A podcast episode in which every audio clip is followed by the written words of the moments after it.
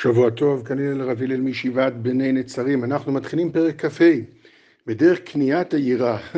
עד כמה שניסינו לתפוס משהו ביראת החטא, אז אה, בואו נראה בקניית היראה. האמת היא שזה פרק מאוד קצר ופשוט, כי כיוון שהיראה הזאת פירושה העמידה התמידית מול ריבונו של עולם, אז ממילא קניית היראה הזאת, זה כמו שהוא פותח ואומר, להתבונן על שני עקרונות אמיתיים, הכוונה טהורים, עליוניים, עמוקים מאוד, ששכינתו יתברך נמצאת בכל מקום שבעולם.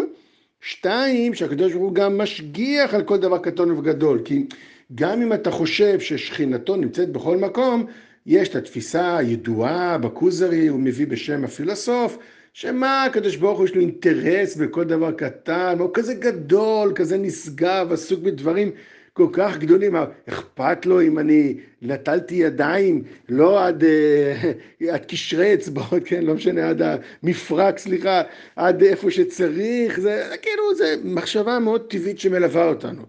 ולכן שתי העקרונות האלה הם אלה שבעצם יוצרים מצב של נוכחות תמידית, נוכחות של ריבונו של עולם, נוכחות אלוקית תמידית. אני חייב להגיד פה איזה הערה, כיוון שהדבר הזה צריך בירור, הוא קצת חורג מהספר.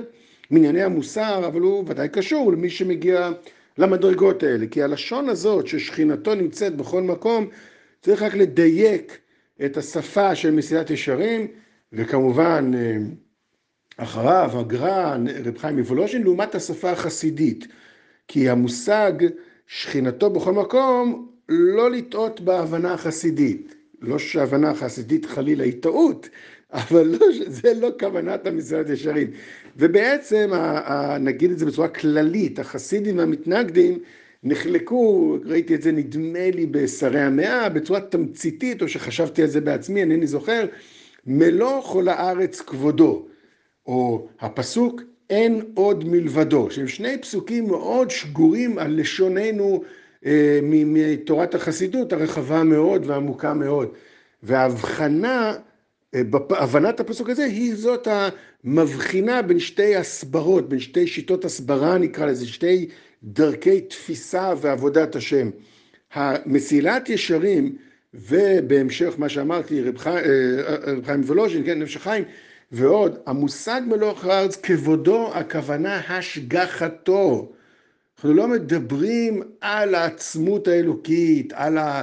משמעות של ריבונו של עולם מצד עצמו. אנחנו באים ואומרים מלוך כל הארץ כבודו, הכוונה, וגם זה פשט הכתוב במפרשים שם, הכוונה שהכל או מהווה עדות על כבוד השם, על גדלותו, על רצונו, על חוכמתו בבריאת העולם, או בהקשר הרחב יותר, ממילא גם הוא משגיח על הכל. אותו דבר הביטוי אין עוד מלבדו, אפשר להגיד אין עוד מלבדו, זה הבנה חסידית, אבל הבנה שאנחנו, אני רגיל במה שאני מלמד, אין עוד מלבדו, פירוש, אם אתה חושב שאתה נותן דין וחשבון במעשיך לישות אחרת, רשות אחרת, או יש איזה משהו בעולם שמתנהל על פי אה, על פי אה, איזושהי החלטה של רופא או של אה, השמש בתקופות יותר עתיקות, או אני יודע מה, או החיזבאללה, או ה... לא, הכל מושגח על ידי השם, אין עוד מלבדו.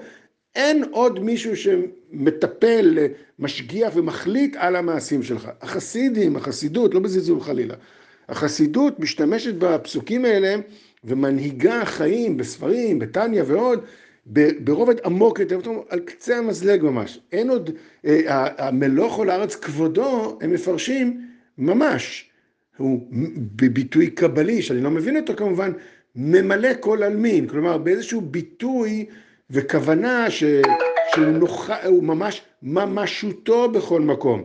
ובאופן יותר חריף כמובן, זה נפש החיים מביא, בפסוק אין עוד מלבדו, שהם אומרים אין עוד מלבדו. כלומר, אין, אין קיום של שום דבר, אלא העניין, אלא הממשות האלוקית. אין, אם אתה מדבר על אלוקים, אתה לא יכול לדבר על שום דבר אחר, אז הכל אלוקות, וכמובן אפשר להבין את זה, אני לא יכול להבין דבר כזה, זה עמוק מאוד, נשגב ממחשבתי. אז רק הערתי את זה, שלא להתבלבל בו בפרק כ"ה, שבפירוש של אה, דרך קניית היראה, שאומר המסירת ישרים, שצריך להתבונן על שכינתו, יתברך, שנמצאת בכל מקום, במובן של ההשגחה כוונתו. ולכן הוא מיד, הכוונה היא, משגיח על כל דבר, ודי לנו שאם אתה תעמוד בעמידה מול השם, בלשון הרב סולובייצ'יק, על שעת התפילה, אבל הירא חטא כל הזמן עומד מול השם, ממילא הוא מדייק את כל מעשיו. כל טוב ושבוע טוב.